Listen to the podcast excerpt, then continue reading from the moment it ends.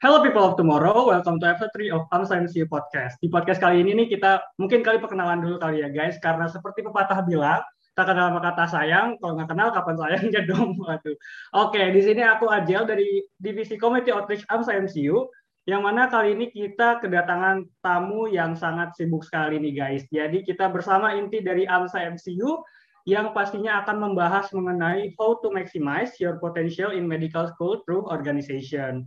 Nah, di sini, di sini semua nih udah pada gabung kakak-kakak yang keren banget dari inti AMSA MCU.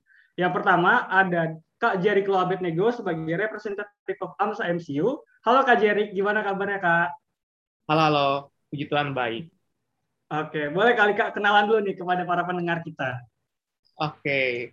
Halo semuanya, perkenalkan nama aku Jerry Kloabet Nego yang tahun ini diamanahkan sebagai representative AMSA MCU periode 2020-2021. Oke, baik. Terima kasih banyak Kak Jerik. Selanjutnya ada Kak Romi Setiawan sebagai Vice Representative of AMSA MCU. Halo Kak Romi, gimana nih kabarnya nih Kak? Halo Ajo. Kabarnya baik. Oke, baik. Oke. Boleh kali Kak kenalan dulu nih Kak? Ya, oke. Halo semua, nama saya Romi Setiawan. Uh, tahun ini diamanahkan sebagai Vice Representative AMSA MCU. Oke. Oke, baik. Terima kasih Kak Romi. Selanjutnya ada Kak Rizalia Zahra Nurfisti, Nurfitri sebagai Secretary of AMSA MCU. Halo Kak Zalia, gimana nih Kak kabarnya nih Kak? Halo Angel, makasih banyak. Alhamdulillah baik dan mungkin perkenalannya langsung aja Angel. Oke, mulai mulai kenalan dulu nih Kak. Iya. Oke, okay. uh, sedikit kenalan aja. Jadi perkenalkan saya tadi nama lengkap sudah disebutkan Ajel, biasa dipanggil Zalia atau Kak Riz boleh tahun ini diamanahkan sebagai sekretaris dari AMSA MCU. Makasih ya, Jel. Oke, makasih juga Kak Zal ya perkenalannya. Selanjutnya nih, last but not least, ga, selanjutnya nih, last but not least guys, ada Kak Yohana Krisanti sebagai Treasurer of AMSA MCU. Halo Kak Yohana. Halo Aje. Oke Kak, boleh Kak kenalan dulu nih kepada pendengar AMSA MCU Podcast. Oke, halo semuanya. Uh, tadi udah dikenalin sama Ajel ya. Aku Yohana Kristanti, biasa dipanggil Yohana. Uh, tahun ini diamanahkan sebagai treasurer dari AMSA MCU. Salam kenal semuanya. Oke, salam kenal juga Kak Yohana. Nah, guys, kakak-kakak ini tuh adalah inti dari suatu organisasi AMSA di Maranatha Christian University ya mereka lah yang memimpin dan mengarahkan organisasi kita, AMSA MCU, agar kami para anggotanya dapat menjalani kegiatan organisasinya selancar mungkin nih guys. Kayak jalan tol jam 3 pagi lah guys pokoknya. Terus pasti kalian penasaran nih, gimana sih point of view-nya nih langsung dari inti-inti suatu organisasi. Pasti pecah nih, bakal banyak cerita-cerita yang bakal bisa gali. Langsung aja kita ngobrol. Oke, baik Kak. Kan tema kita kan hari ini how to maximize your potential in medical school through organization. Jadi intinya dengan organisasi seharusnya kita bisa banget untuk memaksimalkan segala kelebihan, tetapi di luar sana masih banyak mahasiswa yang takut untuk berorganisasi. Karena banyak eh, stigma-stigma negatif tertentu seperti misalnya akan eh, menurunkan nilai, terus membuat uh, sibuk, gak ada waktu untuk rebahan, gak ada waktu untuk main, seperti itu mungkin dari Kak Jerik nih sebagai representatif gimana nih pendapat kakak nih? Kenapa kita harus mengikuti suatu organisasi? Oke, Boleh? kenapa ikut organisasi aja? Jadi menurut aku uh, penting buat mahasiswa-mahasiswa yang baru masuk buat join organisasi. Kenapa sih? Karena dari organisasi itu kita banyak belajar gitu. Dari organisasi banyak hal-hal dan value-value yang bisa kita dapatkan. Mungkin yang orang pikirkan kayak tadi kata Ajel, apa sih organisasi ntar jadinya nilai aku turun, terus gak ada waktu buat belajar. Tapi menurut aku, malah dengan berorganisasi, kita bisa dapatin bagaimana um, time management yang baik, dengan organisasi kita dapat uh, bersosialisasi dengan senior-senior yang mungkin nggak kita dapatin kalau kita nggak join organisasi gitu. Dan banyak hal lagi yang uh, kita pelajari selain itu kita juga bisa melakukan kegiatan-kegiatan sosial dengan berorganisasi gitu. Oke, baik. Berarti uh, banyak banget hal yang bisa kita eksplor dan banyak hal yang bisa kita dapat selama berorganisasi ya, Kak. Banyak positifnya lah ya pokoknya ya, Kak. Kemudian uh, dari Kakak sendiri, ada nggak sih, Kak, motivasi dari kakak-kakak untuk berorganisasi? Uh, dari Kak Romi mungkin, Kak? Oke. Kalau dari saya pribadi ya. Jadi kalau motivasi yang paling utama itu karena gabut Jadi kuliah kedokteran apa sih? Paling cuma kuliah, praktikum, tutorial. Terus nyampe kos, kalau kos diem, gabut, gabut banget. Kalau gabut bawaannya buka Instagram, buka TikTok, kayak nggak produktif. Nah makanya waktu kalau motivasi saya waktu awal-awal tuh masuk aja organisasi biar banyak kesibukan. Dengan banyak kesibukan kayak apa ya? Kayak buat time management, buat apa yang udah disebutin Jerry, itu tuh jadi lebih lancar aja gitu. Jadi kenapa ikut? Karena gabut. Ya itu, kalau dari saya. Oke, sebuah motivasi yang mantap dari Karomi ya. Karena gabut, dengar-dengar ya guys. Oke, denger ini guys, karena gabut dan pengen aja banyak produktif gitu. Oke, selanjutnya mungkin benefit apa aja sih kak yang didapetin? Pastinya kan setiap orang beda-beda nih uh, ngerasain benefitnya masing-masing. Dari kakak-kakak mungkin bisa cerita ada nggak sih kak suatu kesenangan yang benar-benar kakak alamin saat mengikuti organisasi ini? Mungkin boleh dari kak Romi dulu deh kak. Oke, benefit pasti karena motivasinya biar nggak gabut, benefitnya nggak gabut. Terus selain itu karena ikut organisasi, waktu harus dimaksimalkan dengan sebaik-baiknya. Balik lagi pasti time managementnya jadi meningkat improving skillnya. Terus belajar juga kayaknya lebih efektif deh kalau kan waktunya sempit-sempit gitu terus kepepet tuh jadi lebih efektif. Terus banyak kenalan. Kayaknya banyak kenalan, banyak teman kayak selain di kalau AMSA kan ada AMSA distrik, ada AMSA univ, bahkan internasional. Kayak punya kenalan selain Unif sendiri tuh bangga aja kayak seru aja. Terus apa lagi ya? Iya sih. Itu. Kalau Amsa juga bisa jalan-jalan waktu kemarin kan. Itu kesenangannya sih. Mungkin bisa dilanjut ke yang lain. Rizal ya deh. Boleh Kak, silakan Kak Zalia. Gimana nih Kak? Benefit ya, benefit. Oke, mungkin kalau buat aku sih lebih ke posisiku sebagai sekre ya. Jadi karena saya kira ini mengurus berbagai uh, data-data, jadi ya aku lebih terorganisir aja gitu dari segala sesuatu. Dari mulai mengurus dokumen-dokumen untuk persiapan acara, baik itu persiapan acara untuk di kampus, ataupun bahkan membangun relasi dengan pihak eksternal. Jadi yang tadinya kita ya ibaratnya dari nol banget lah nggak tahu kayak kok bisa ya orang-orang uh, ngundang sponsor atau ngundang NGO atau GO sekarang kita bisa gitu jadi ya lebih ke situ sih, ya. Oke, oke, baik. Berarti lebih ke arah uh, banyak yang kita tiba-tiba jadi bisa aja. Jadi kita tahu orang tuh gimana sih cara buat sponsor, terus jadi kita belajar lagi, terus kita bisa undang sponsor juga buat acara kita. Oke, mungkin dari Kak Jerik juga, gimana nih Kak? Oke, oke. Sebenarnya aku mau jawab pertanyaan nomor dua tadi sih. Sebenarnya yang buat motivasi aku masuk AMSA, kalau mau tahu, uh, ini benar-benar kayak out of the box, mungkin yang semua orang pengen gitu, kayak apa ya, yang aku yang kupikirkan pertama kali pas di AMSA pas di join training aku mau masuk AMSA karena uh, aku pengen pergi ke luar negeri gitu. Pengen liburan di di sela-sela kegiatan FK yang sangat padat gitu. Dan satu-satunya organisasi yang melakukan itulah cuma AMSA gitu. Jadi buat yang dengerin podcast ini yang buat mau masuk AMSA jangan lupa karena AMSA satu-satunya organisasi yang bisa buat kalian keluar negeri gitu. Nah, kalau okay kalau dari benefit sendiri ya, benefit yang aku dapatin selama di AMSA banyak banget sih menurut aku. Pertama dari dari seorang introvert yang kayak nggak pede banget buat ngomong di depan umum, buat uh, public speaking aku yang dulu masih jelek banget, yang minim banget sampai kayak sekarang ya bisa sekarang gini bisa uh, bisa cerita di podcast ini kayak udah sangat improve uh, luar biasa sih dari seorang Jerik yang introvert bisa jadi ya sedikit-sedikit extrovert gitu. Terus selain itu juga yang paling penting adalah tadi motivasi aku buat join supaya bisa ke luar negeri ternyata terwujud gitu. Bahkan sampai dua kali bisa bisa pergi ke conference dari yang Asian Medical Student Conference di Singapura, terus juga terakhir yang bareng Romi itu di East Asian Medical Student Conference yang di India gitu. Dan itu betulan juga sebelum masa-masa pandemi, jadi kita masih bisa berangkat offline. Gitu.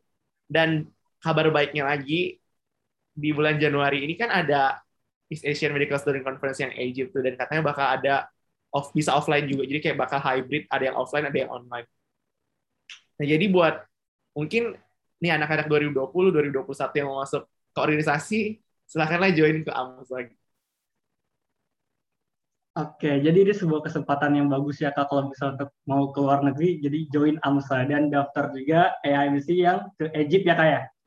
Iya, benar. Oke, baik. Terima kasih Kak Jerik. Selanjutnya ada dari Ibu Bendahara kita Kakak Yohana. Bagaimana Kak Yohana? Oke, akhirnya kebagian ngomong ya. Oke, jadi kalau menurut aku nih benefit dari masuk organisasi ya, khususnya AMSA uh, aku ngerasain ada tiga hal sih yang paling berasa gitu buat aku. Yang pertama itu aku jadi tahu cara manajemen waktu yang baik. Jadi tahu sendiri kan jadwal di FK tuh padat, terus kita harus belajar untuk ujian, terus uh, belum lagi jadwal kelas yang padat. Nah, tapi kita tuh juga harus ngejalanin proker-proker di AMSA yang terbilang tuh nggak sedikit juga kan, guys. Jadi mau nggak mau tuh karena kita ikut organisasi, kita tuh terpa uh, aku tuh terpacu untuk terus nyicil belajar supaya nggak keteteran gitu untuk ngejar waktu ujian. Nah itu yang pertama. Nah yang kedua nih, uh, aku masuk uh, organisasi itu aku uh, jadi nambah teman. Jadi FYI aja ya guys, aku ketemu teman-teman belajar itu di AMSA by the way. Dan juga teman-teman uh, yang asik juga aku juga ketemu di AMSA yang bantu aku buat uh, menjadi orang yang lebih baik. Jadi pokoknya kalau kalian masuk AMSA tuh banyak banget deh uh, orang-orang di luar sana tuh yang berprestasi dan juga memotivasi aku tuh buat jadi yang lebih baik. Terus yang ketiga, aku jadi lebih percaya diri gitu guys, yang tadinya aku uh, apa orangnya pendiam, terus malu-malu. Nah, lewat AMSA ini aku belajar buat uh, tahu caranya public speaking, terus belajar jadi MC, terus pokoknya lebih percaya diri lah sama kemampuan aku. Sama yang terakhir tadi guys, bisa jalan-jalan. Oke, baik. Nah, jadi benefit dari Kayohana ini pertama tadi uh, jadi lebih pede ya kak. Terus uh, time manajemennya jadi lebih baik. Terus uh, bisa jalan-jalan juga. Terus uh, dapat teman-teman belajar yang asik dan pastinya bikin semangat buat belajar ya kak ya. Bener banget. Oke baik. Selanjutnya nih kak, uh, dari Kayohana sendiri gimana sih kak cara buat pilih organisasi yang tempat buat kita kak kan e, misalnya setiap organisasi kan punya visi misinya sendiri ya kak dan e, terkadang dari kita sendiri e, harus sesuai dengan misi yang dan visi yang kita mau tuju e, kenapa kita harus masuk organisasi tersebut kak e, menurut kakak gimana tuh kak Oke, kalau dari aku sendiri, waktu aku milih AMSA itu, aku cari yang sesuai dengan minat dan kesukaan aku. Jadi, kalau misalnya kalian mau ikut organisasi, cari tahu dulu kalian tuh sukanya apa. Nah, karena aku tuh sukanya yang berhubungan sama orang lain, terus berhubungan sama uh, kayak dulu aku suka banget ada baksos gitu-gitu. Jadi aku milih AMSA nih, soalnya kayaknya wah keren banget nih uh, temen-temennya banyak yang dari luar kampus, terus juga banyak acara-acara di luar kampus juga.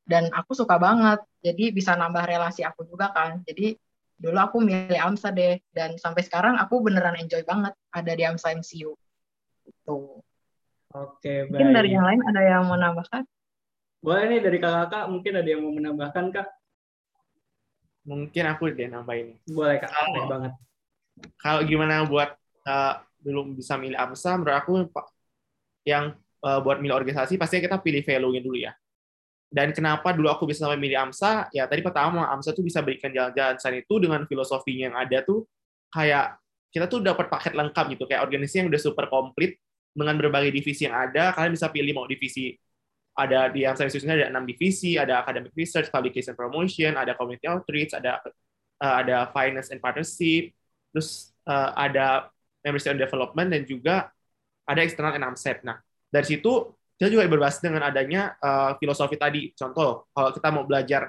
buat anak-anak ambis, anak-anak yang mau ikut lomba, anak-anak yang suka-suka research, itu bisa ikut sesuai dengan filosofi kita di akademi. Terus yang untuk friendship-nya, di AMSA tuh friendship-nya sangat-sangat kuat, bahkan kayak udah dianggap keluarga sendiri gitu. Kayak di AMSA tuh kita dapat keluarga-keluarga baru. Terus action buat anak-anak yang suka ikut bakso kayak tadi kayak kata Yohana dia kan suka bakso bakso tuh. Nah di Angsa tuh actionnya dapat banget lewat dari berbagai action yang ada bisa ada volunteering program, terus bisa pergi ke panti asuhan dan banyak banget kegiatan-kegiatan yang masih banyak lah di AMSA tuh kayak udah paket komplit practically. Oke, pokoknya AM1 adalah sebuah organisasi dengan paket yang komplit, eh, yang mana bisa membuat kita untuk terus maju ya kak ya. Kemudian aku mau nanya Kak Zalia ya sekarang kak. Menurut kakak sendiri, ada nggak apa sih kak ketakutan utama teman-teman di luar sana yang membuat mereka takut untuk ikut berorganisasi gitu kak? Oke, okay. sebenarnya ini udah dijawab sama kamu sendiri tadi di awal. Jadi okay. benar ya, orang masuk FK mikir kayak FK tuh identik dengan belajar, belajar dan belajar ya kan. Apalagi uh, buat teman-teman yang sekolahnya di FK swasta yang biayanya ya lumayan ya, tahu sendiri. Yang kalau misalnya kita sampai remet atau amit-amitnya ada sesuatu kendala masalah akademik tuh pasti balik lagi urusannya duit. Itu itu ketakutan anak-anak utama tuh duit tuh pasti. Itu satu. Terus uh, banyak yang takut nggak uh, punya waktu santai.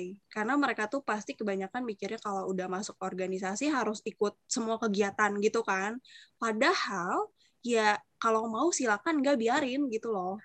Jadi eh, kayak di AMSA MCU ini kita menyediakan berbagai program kerja yang memang ada beberapa yang wajib. Karena uh, kita menilai bahwa program itu penting untuk diikuti dan tentunya hasilnya benefitnya juga kembali buat member gitu. Tapi ada beberapa program kerja yang nggak kita wajibin ya balik lagi. Kamu mau ikut silakan, nggak biarin. Jadi sesuai minat dan passion kamu gitu sih Jel. Oke baik, terima kasih Kazal ya. Nah, lanjut nih Kak. Kemudian dari sudut pandang suatu inti dari organisasi, sebenarnya eh, anggota tuh harus bersikap seperti apa Kak? Karena eh, supaya kita sebagai anggota sendiri bisa memaksimalkan segala kesempatan yang ada saat kita berorganisasi. Mungkin boleh nih Kak dari Kak Jerik sebagai representatif gimana Kak? Kalau uh, kalau dari aku ya kalau menurut aku anggota terus bagaimana? Menurut aku ibaratnya kayak kita masih polos gitu kayak pas baru masuk uh, tahun pertama di FK gitu. Menurut aku kita harus berani mencoba dan berani keluar dari zona nyaman. Kalau kita udah berani nyoba, terus kita nyobanya setengah-setengah, pastinya nggak akan nggak akan apa ya nggak akan dapat feeling gitu. Nah, kalau kalian udah join suatu organisasi, misalnya contoh ke join AMSA, jadi kayak udah join jangan setengah-setengah gitu, mendingan nyemplung aja sekaligus supaya bisa dapatin semua filosofi yang ada gitu. Jadi dengan kalian udah terjun, ibaratnya kayak udah nyebur gitu ke AMSA-nya, jadi kalian pasti dapat sense of belonging. Gitu. Jadi ketika kalian udah bisa dapat sense of belonging, pasti kalian akan ke depannya bakal kayak ngerasa wah Amsa ini udah kayak rumah sendiri. Aku belajar banyak dari sini. Jadi nanti kalian tuh bakal jadi orang-orang bakal terusin pengurus-pengurus yang ada gitu. Jadi ya ibaratnya kalau member mau join organisasi, ibaratnya udah join harus nyemplung dan nyebur gitu. Oke, jadi kalau misalnya kita udah harus uh, mengikuti suatu organisasi tertentu, jangan pernah setengah-setengah ya guys, karena uh, nanti yang didapetin juga setengah-setengah ilmunya. Terus uh, kita harus totalitas cebur-cebur aja udah basah-basah semua. Kalau misalnya ibarat kita lagi berenang di kolam renang. Oke, uh, mungkin dari Kak Romi gimana Kak pendapatnya nih Kak? Oke, terima kasih Ajil. Jadi uh, gimana sih apa sikap yang harus diambil anggota untuk memaksimalkan kesempatan. Nah, jadi saya mau berterima kasih sama senior-senior 2016, Korei sama Kohance gitu. Jadi, kalau menurut mereka itu semua organisasi baik. Yang penting kalian itu memaksimalkan pengalaman kalian di sana gitu. Jadi, mau masuk AMSA, mau masuk biro lain itu harus di cobain semuanya lah gitu. Harus kayak apa ya kayak aktif. Jadi misalkan kalau misalkan ada acara ini ya coba yang paling aktif ya kan jadi ketuanya gitu. Kalau nggak bisa jadi ketuanya ya jadi koor acara. Terus lama-lama kalau kalian aktif kalian mau coba ya kan kalau AMSA ada tahun kedua itu bisa coba national tip tahun pertama ya? Ya coba walaupun kalian nggak tahu ada bayangan apa atau kayak gimana. Kan toh dibantu terus nanti kayak gimana? Pasti kalian kalau kalian mau coba kalian dibantu kalian bisa apa ya kalian tanpa sadar tuh kayak tiba-tiba udah bisa gini udah bisa gini. Jadi kalian tuh udah ke upgrade sendiri gitu apalagi ya okay, udah okay. Okay, gimana gitu. kak ada lagi nggak kak udah gitu ya mirip-mirip sama Jerik sih sebenarnya oke okay, terima kasih banyak kak Duh, uh, lanjut nih kak kemudian uh, kita sendiri kan udah sering kak dengar cerita-cerita dari anggota biasa, tapi kita juga udah dengar nih suka dukanya juga. Kita juga jarang dengar suka duka dari uh, inti suatu organisasi nih kak. Boleh kali ini kak cerita kesusahan-kesusahan apa aja sih kak yang kakak alami sebagai inti suatu organisasi? Mungkin boleh dari Kak Yohana dulu nih. Aduh, pasti aku tahu jawabannya nih, Kak. Oke, okay. hmm, suka duka inti ya. Yeah. Hmm, kayaknya lebih banyak sukanya sih daripada dukanya yang aku rasain ya. Kayaknya yang lain juga yang Oke, okay, jadi sukanya itu yang pertama kalau inti jadi otomatis jadi lebih kenal sama semua member AMSMCU kan. Nah mungkin kalau misalnya member biasa tuh belum tentu uh, bisa kenal sama member di luar divisinya. Tapi kalau kita inti, kita jadi uh, harus kenal gitu sama semua uh, member AMSMCU juga. Terus yang kedua, uh, aku bisa ketemu teman-teman yang luar biasa seperti Jerry, Romi, dan juga Rizalia. Mereka tuh luar biasa banget guys. Inti-inti kita tuh wow. Jadi uh, mereka bertiga ini banyak banget menginspirasi aku uh, baik dalam hal, hal organisasi maupun akademik juga. Dan menurut aku tuh mereka semua ini orang-orang yang hebat dan aku juga banyak belajar banget dari teman-teman inti di AMSA juga.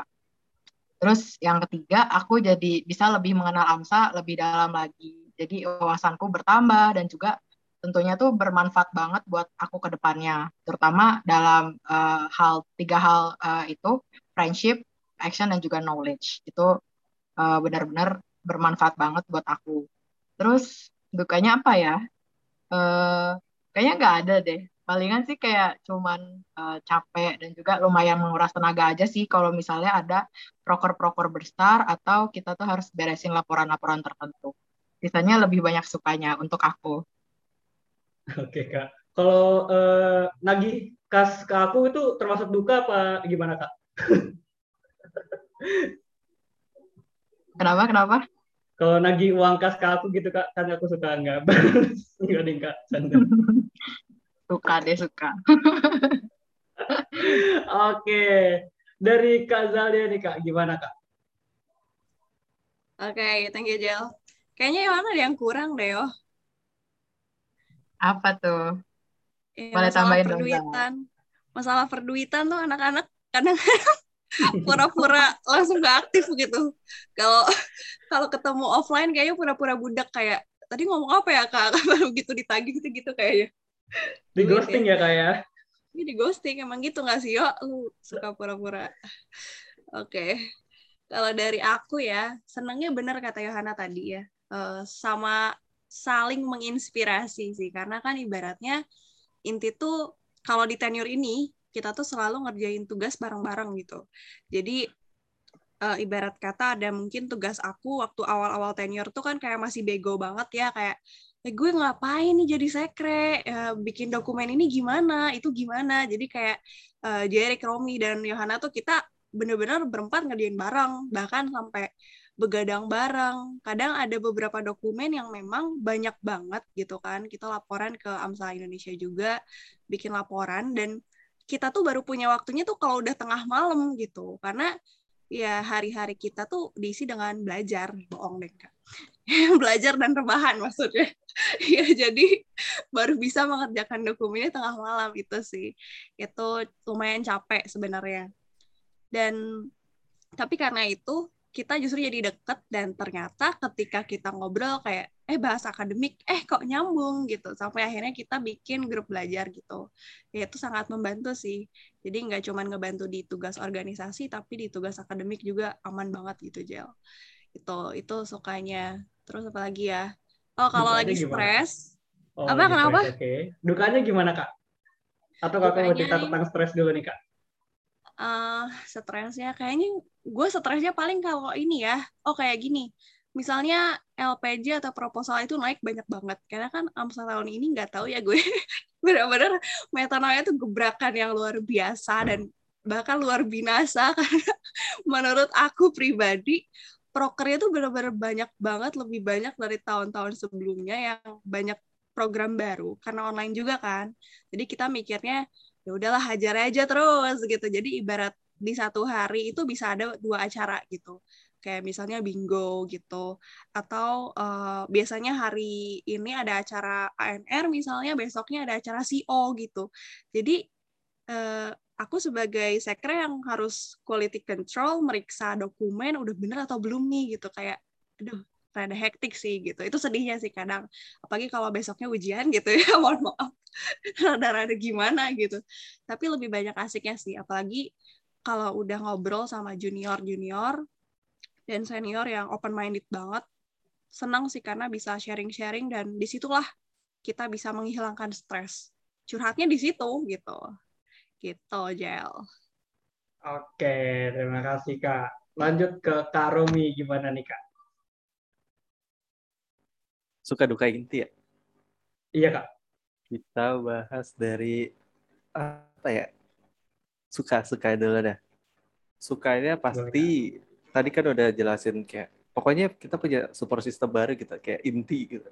Kebanyakan ada masalah apa kayak apa sharing-sharing terus kebanyakan ngegibahin orang ada masalah apa. Pokoknya inti gitu ya. Pokoknya kita ngobrol-ngobrol aja. Jadi sukanya kayak sukanya punya support system. Ya kan oke okay, kemarin ngerjain KTI ngerjain apa ya? Iya KTI itu kan kayak pusing penat gitu. Terus ngobrol sama yang lain di inti akhirnya bisa selesai. Terus akademik terus yang lainnya kayak tentang organisasi juga kita saling menguatkan itu kalau apa ya kalau suka eh kalau susah susah. Sebenarnya kalau saya sih nggak ngerasa susah ya. Bisa setiap ada susah dikit nggak ada ada nggak enak hati dikit kita langsung gibah ngobrol sampai tengah malam kan udah dibilangin. Terus apa ya udah sih. Pokoknya selalu senang aja kayaknya kalau dari saya. Gak tahu mungkin ya mungkin gimana cara ngelihat itu aja sudut pandang.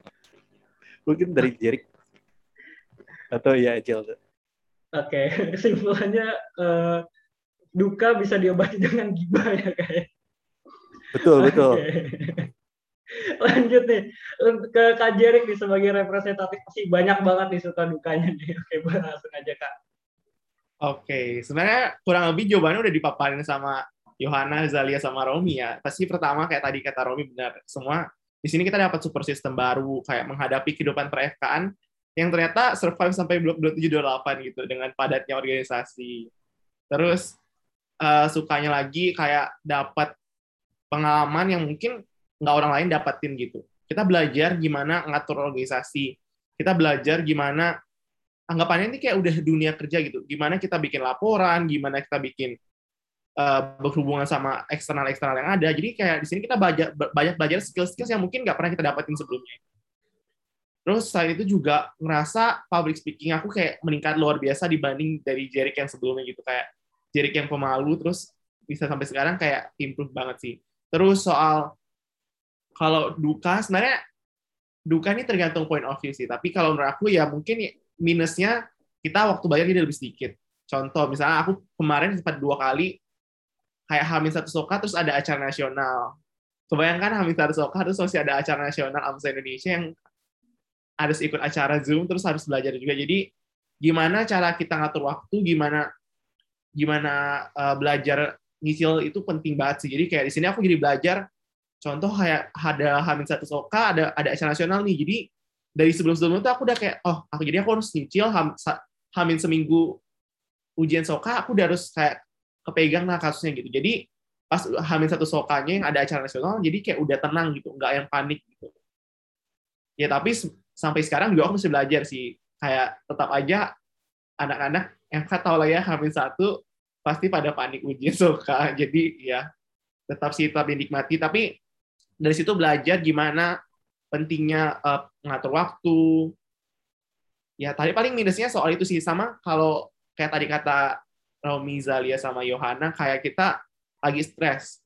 Ketika stres kita punya tempat buat cerita jadi kayak stress reliever gitu. Jadi kayak benar-benar yang ketika ada ada masalah atau lagi misalnya uh, lagi ujiannya jelek terus kita ada ada waktu tempat sharing, ada waktu tempat belajar, tempat saling berbagi gitu. Jadi kayak beban kerja dan stresnya juga berkurangnya sangat-sangat berkurang gitu. Jadi sangat-sangat penting uh, gimana kita kalaupun nanti nggak cuma ke inti, tapi ke member juga kita banyak belajar sih. Dari member kita lihat kayak oh member ini kayaknya luar biasa, kita banyak belajar juga dari member-member yang ada. Terutama juga ke senior sih, senior-senior sebelumnya kita juga pada luar biasa, jadi kita banyak belajar dari situ juga. Oke, dari aku mungkin sekian. Oke, terima kasih Kak banyak banget emang. Nah, kan kita udah dengar suka dukanya nih dari uh, inti suatu organisasi. Uh, jadi penasaran nih, ada nggak sih Kak cerita uh, pengalaman yang menarik selama di AMSA uh, satu tenure ini nih Kak? Mungkin boleh dari Kazalia dulu Kak, mungkin udah berpikir keras nih Kak. Ada nih banyak yang mau diceritain nih Kak. Kayaknya Yohana dulu deh. Ya udah sudah giliran. Baik, boleh, boleh, boleh, boleh banget Kak Yohana. Aduh, kok dilempar-lempar nih dia. Um, apa ya, pengalaman unik. Pengalaman unik waktu satu tenor ini ya. Uh, paling itu sih, aku sempat mengalami culture shock yang dari offline jadi online. Kayak bingung banget gitu kan, apalagi waktu nagihin uang kas gitu. Terus jadinya ya udah uh, tempat waktu itu kelabakan kan uh, ini uang kas. Terus kayak sempet tuh stres banget akhirnya aku nge-call bendahara yang tahun lalu. Gimana caranya ngolah uang kas. Terus ya udah deh. Terus sama apa lagi ya um, ini sih aku kayak baru kali ini nemu teman yang belajar yang oke okay banget dari inti ini terus ya udah apa lagi ya Yang lain boleh nambahin mungkin. Nggak boleh. Siapa dulu nih, Kak? Ya, Kak Romi deh, Kak. Boleh, Kak. Apa? Cerita unik ya? Iya, cerita unik atau cerita menarik lah, Kak, selama satu tenure di AMSA ini, Kak. Unik, menarik. Apa ya? Kayaknya banyak deh. Tapi gimana ya? Kayaknya setiap acara AMSA unik deh. Ada sesuatu yang bisa dipelajari ada yang lucu ada yang apa. Kayak misalkan apa ya? Unik. Boleh nih kak yang memorable-nya nih kak yang paling memorable-nya kak. Memorable. Oke kita bahas dari apa ya? Kayaknya pengalaman sih lebihnya ke pengalaman. Kayak pengalaman gimana sih jadi LO satu univ terus univnya dari pas acara NAE tuh. Udah belum masuk ya 2020 belum sih kak kayaknya. Coba boleh deh kak. Jadi LO LO untuk universitas dari Jawa Timur gitu. Terus gimana cara nyambut gimana cara gimana ya ngasih tahu kita tuh ada acara kayak gimana gimana gimana ngatur apa terus kumpulin mereka terus bonding sama mereka terus nge-mall bareng mereka ke mall. Terus apa ya? Udah. Ya gitu sih. Banyaknya pengalaman. Kemudian kalau akan mau cerita tentang India, mungkin ngedengerin, oh, ini agak rasis sih, tapi ya pokoknya belajar Inggris, terus gimana cara dengerin aksen India, terus maksudnya apa, oh dari awalnya nggak ngerti, terus akhirnya kita ngerti, oh maksudnya itu ini, ini. Ngobrol sama orang Asia lainnya, kayak orang Hong Kong, tiba-tiba ngobrol. Terus sama orang Taiwan, orang apalagi Filipina mana? Ya gitu itu deh. Kayaknya pengalaman yang menarik itu saat acara acara nasional atau internasional. Mungkin yang lain mau nambahin? Rizalia atau Jirik? Oke boleh ke Kazalia dulu ya oke ya sebenarnya berhubung aku belum pernah ikut-ikutan acara gitu ya jadi aku lebih ke internal sih. Kayak tadi benar kata Yohana pas waktu peralihan dari offline ke online itu benar-benar kayak bonding ya contohnya. Bonding kan kita jadi lebih variatif sebenarnya kan ya. Gamenya lebih banyak. Dan justru ada satu game yang buat aku apa ya aku excited banget kalau main game itu. Itu adalah game uh, ciptaan Amsa MCU uh, kalau kalian tahu Werewolf ya ya oke okay itu di kita istilahnya kita ganti jadi kuyang. Mohon maaf. Uh, ya itu. Ada horor ya kayak. Ya itu betul sekali. Jadi kalau udah mati nanti jadi Casper gitu. Jadi itu waktu awal kalian belum masuk kalau nggak salah ya itu kita main itu gitu. Cuman emang mainnya tahu sendiri ya werewolf kan lama banget mainnya jadi ya gimana ya mungkin kalau misalnya membernya masih sedikit atau bingo divisi mungkin masih bisa. Tapi kalau untuk bom acara bonding yang satu AMSA kayaknya enggak gitu. Itu game sih baru ya inovasi. Terus apa lagi ya? Mungkin aku lebih tertarik lagi sama anak 20 ya. Waduh, gimana tuh kak? anak 20 ini anak-anaknya uh, open minded dan apa ya berani approach senior gitu. Jadi mereka tuh nggak segan-segan kalau ada masalah kalau ada uh, pengen curhat itu mereka terbuka banget gitu justru aku senang banget di situ kayak uh, oke okay, mereka ngerasa bahwa kita ada untuk mereka dan kita pun merasa nyaman gitu karena mereka percaya sama kita itu sih aku ngerasa appreciate banget dan apa ya jadi menghilangkan istilah senioritas yang selama ini katanya sih di organisasi itu ada. Gitu sih kalau dari aku. Mantap, memang angkatan 20 mantap. Aduh, oke lanjut. Boleh ke representatif kita nih, ya. boleh Kak Jerry gimana Kak? Oke, mungkin kalau dari jawaban aku, sebenarnya tadi kalau yang soal pengalaman yang memorable selama satu tenure, menurut aku ya tadi sih yang kayak kata Zalia bilang yang soal uh, kayak nggak ngerasa adanya hubungan senior junior tuh kayak udah nggak ada itu di AMSA terus. Sebenarnya itu udah aku rasain dari tahun-tahun sebelumnya sih. Dan kalau kalau yang momen memorable sama aku di AMSA mungkin sama pergi-pergi acara sih kayak setiap acara tuh punya memori sendiri kayak benar-benar kayak berkesan banget kalau acara AMSA tuh offline gitu. Dan menurut aku ya karena dengan itu aku banyak banyak sih banyak dapat networking baru mungkin yang nggak kita dapatin contoh kayak kalau pergi conference tuh kalian bisa dapat teman-teman dari berbagai negara gitu bahkan ketika aku ngerjain KTA aja aku masih tanya-tanya ke teman aku yang emang udah ahli di research gitu. Jadi kayak kalian tuh bakal dapat networking yang gimana ya yang luar biasa dengan ikut satu acara gitu. Jadi banyak belajar sih dari situ juga. Kayak kalian bakal ketemu orang-orang hebat yang itu bisa jadi motivasi kalian buat belajar dan buat mengembangin diri kalian lebih lagi. Dan sebenarnya udah itu nggak cuma di acara offline gitu. Dengan acara offline di, di acara online di AMSA juga kalian bisa banyak belajar sih dengan berbagai pembicara-pembicara yang luar biasa. Setiap pembicara pasti punya value yang kalian bisa dapetin dari mereka gitu. Jadi ya menurut aku setiap acara di AMSA tuh punya memori sendiri. Jadi buat yang dengar podcast ini yang mungkin mau masuk AMSA terus kalau ada acara nasional, ada AMSEP, ada conference yang ragu buat nyoba karena dari situlah kalian bakal ngerasain sense of belongingnya AMSA gitu yang luar biasa. Oke. Okay.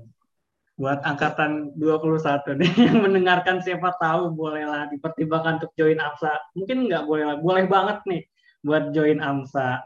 Oke okay, guys, guys, guys, gak kerasa banget nih kita udah banyak banget hal yang kita bahas tentang berorganisasi eh, terakhir nih Kak, mungkin dari kakak-kakak sendiri punya final message nih Kak, atau pesan terakhir kepada teman-teman pendengar di luar sana dan juga masyarakat umum sebagai closing statement kita podcast hari ini. Boleh Kak? Dari Kak Jarik mungkin Kak. Oke, kalau dari aku, sebenarnya aku mau titip pesan dulu sih buat yang dari podcast ini. Soalnya mungkin ini kan bakal di-up uh, dekat-dekat join training ya dan penting banget uh, buat anak-anak 2001 atau 2020 2019 yang masih bisa join organisasi dan masih bingung mau join organisasi apa menurut aku AMSA adalah tempat yang tepat karena AMSA tuh banyak berubah diri aku juga sih dan kita bisa banyak belajar juga dan fun fact-nya tahun lalu kita organisasi yang paling cepat tutup dengan kayak pendaftarnya terbanyak gitu jadi jangan ragu buat daftar AMSA dan pastinya kalau kalian berani daftar suatu organisasi, kalian tuh harus benar-benar mendalami organisasi itu atau terjun langsung gitu. Jangan setengah-setengah. Jadi jangan kalian daftar berbagai organisasi, tapi kalian di setiap organisasi yang kalian daftarin, kalian setengah-setengah. Mendingan kalian daftar satu organisasi, tapi kalian benar-benar serius di organisasi itu. Itu pesan dari aku. Oke, terima kasih banyak Kak Giari. Lanjut nih Kak, sebagai Vice Representative, uh, boleh Kak Romi? Boleh mungkin kayaknya bahasa saya bahasa paling santai ya dari keempat inti. Oke. Jadi kalau misalkan melihat AMSA tuh rame gitu ya, ada tertarik AMSA ya join. Terus udah join, ya maksimalkan kesempatan yang ada gitu. Coba aja semua kayak apa pun yang gak kepikiran kayak kayak apa ya? kayak asalnya main-main ya cobain aja gitu. Kayak daftar jadi national team gak kebayang apa-apa. Nanti pasti dibantuin kok gitu. Di AM satu yang saya rasain mau apa pun pasti selalu dibantuin gitu. Sama senior sama ya sama senior terus akhirnya udah nanti dari coba-coba-coba tiba-tiba nyaman. Terus udah deh bisa ya gitulah. Oh udah udah segitu ya. Oke oke terima kasih kak. Lanjut nih kak dari sekretaris uh, AMSA MC boleh kak ya? Oke, okay, closing word ya. Closing statement gak deh. Oke, okay, intinya be yourself. Do your best. And jangan pernah berhenti bermimpi dan teruslah berlari. That's it. Amazing. Ada stripnya nggak kak? Strip Zalia 2021 gitu kan? Zalia 2021. boleh lah, boleh tambahin ya. Oke, lanjut dari kakak bendahara kita, Kak Yohana, boleh Kak? Oke, kalau dari aku pesannya yang pertama jangan lupa daftar AMSA, itu udah wajib banget. Terus kalau udah join AMSA, bener banget kata Jarik tadi, jangan setengah-setengah kalau mau coba. Pokoknya banyak banget kesempatan yang bagus di AMSA buat ngembangin uh, potensi kita uh, di bidang kita masing-masing. Kita aja guys. Semangat terus. Oke, terima kasih Kak Yohana. Pokoknya jangan lupa join AMSA ya guys, nanti di join training. Kita lihat pemaparan-pemaparan keren dari kakak-kakaknya nih buat AMSA MCU. Oke, terima kasih banyak nih kakak-kakak inti dari AMSA MCU. Udah bau banget, mau banget meluangkan waktunya yang sibuk ini untuk podcast episode 3 kita. Pada hari ini pastinya. Semoga podcast ini bisa banget memberikan informasi yang bermanfaat dan juga mungkin bisa menghilangkan rasa ketakutan teman-teman di luar sana untuk berorganisasi pastinya. Kami dari AMSA MC mengucapkan terima kasih banyak kepada teman-teman pendengar yang udah mendengarkan podcast kami. Jangan lupa tuh guys di follow podcast kita di Spotify AMSA MC Podcast dan boleh kali ini stalking stalking juga Instagram kita dan di follow juga at AMSA MCU. Oke, terima kasih banyak teman-teman pendengar. Guys, sampai jumpa di episode berikutnya. See you guys, Viva Amsa.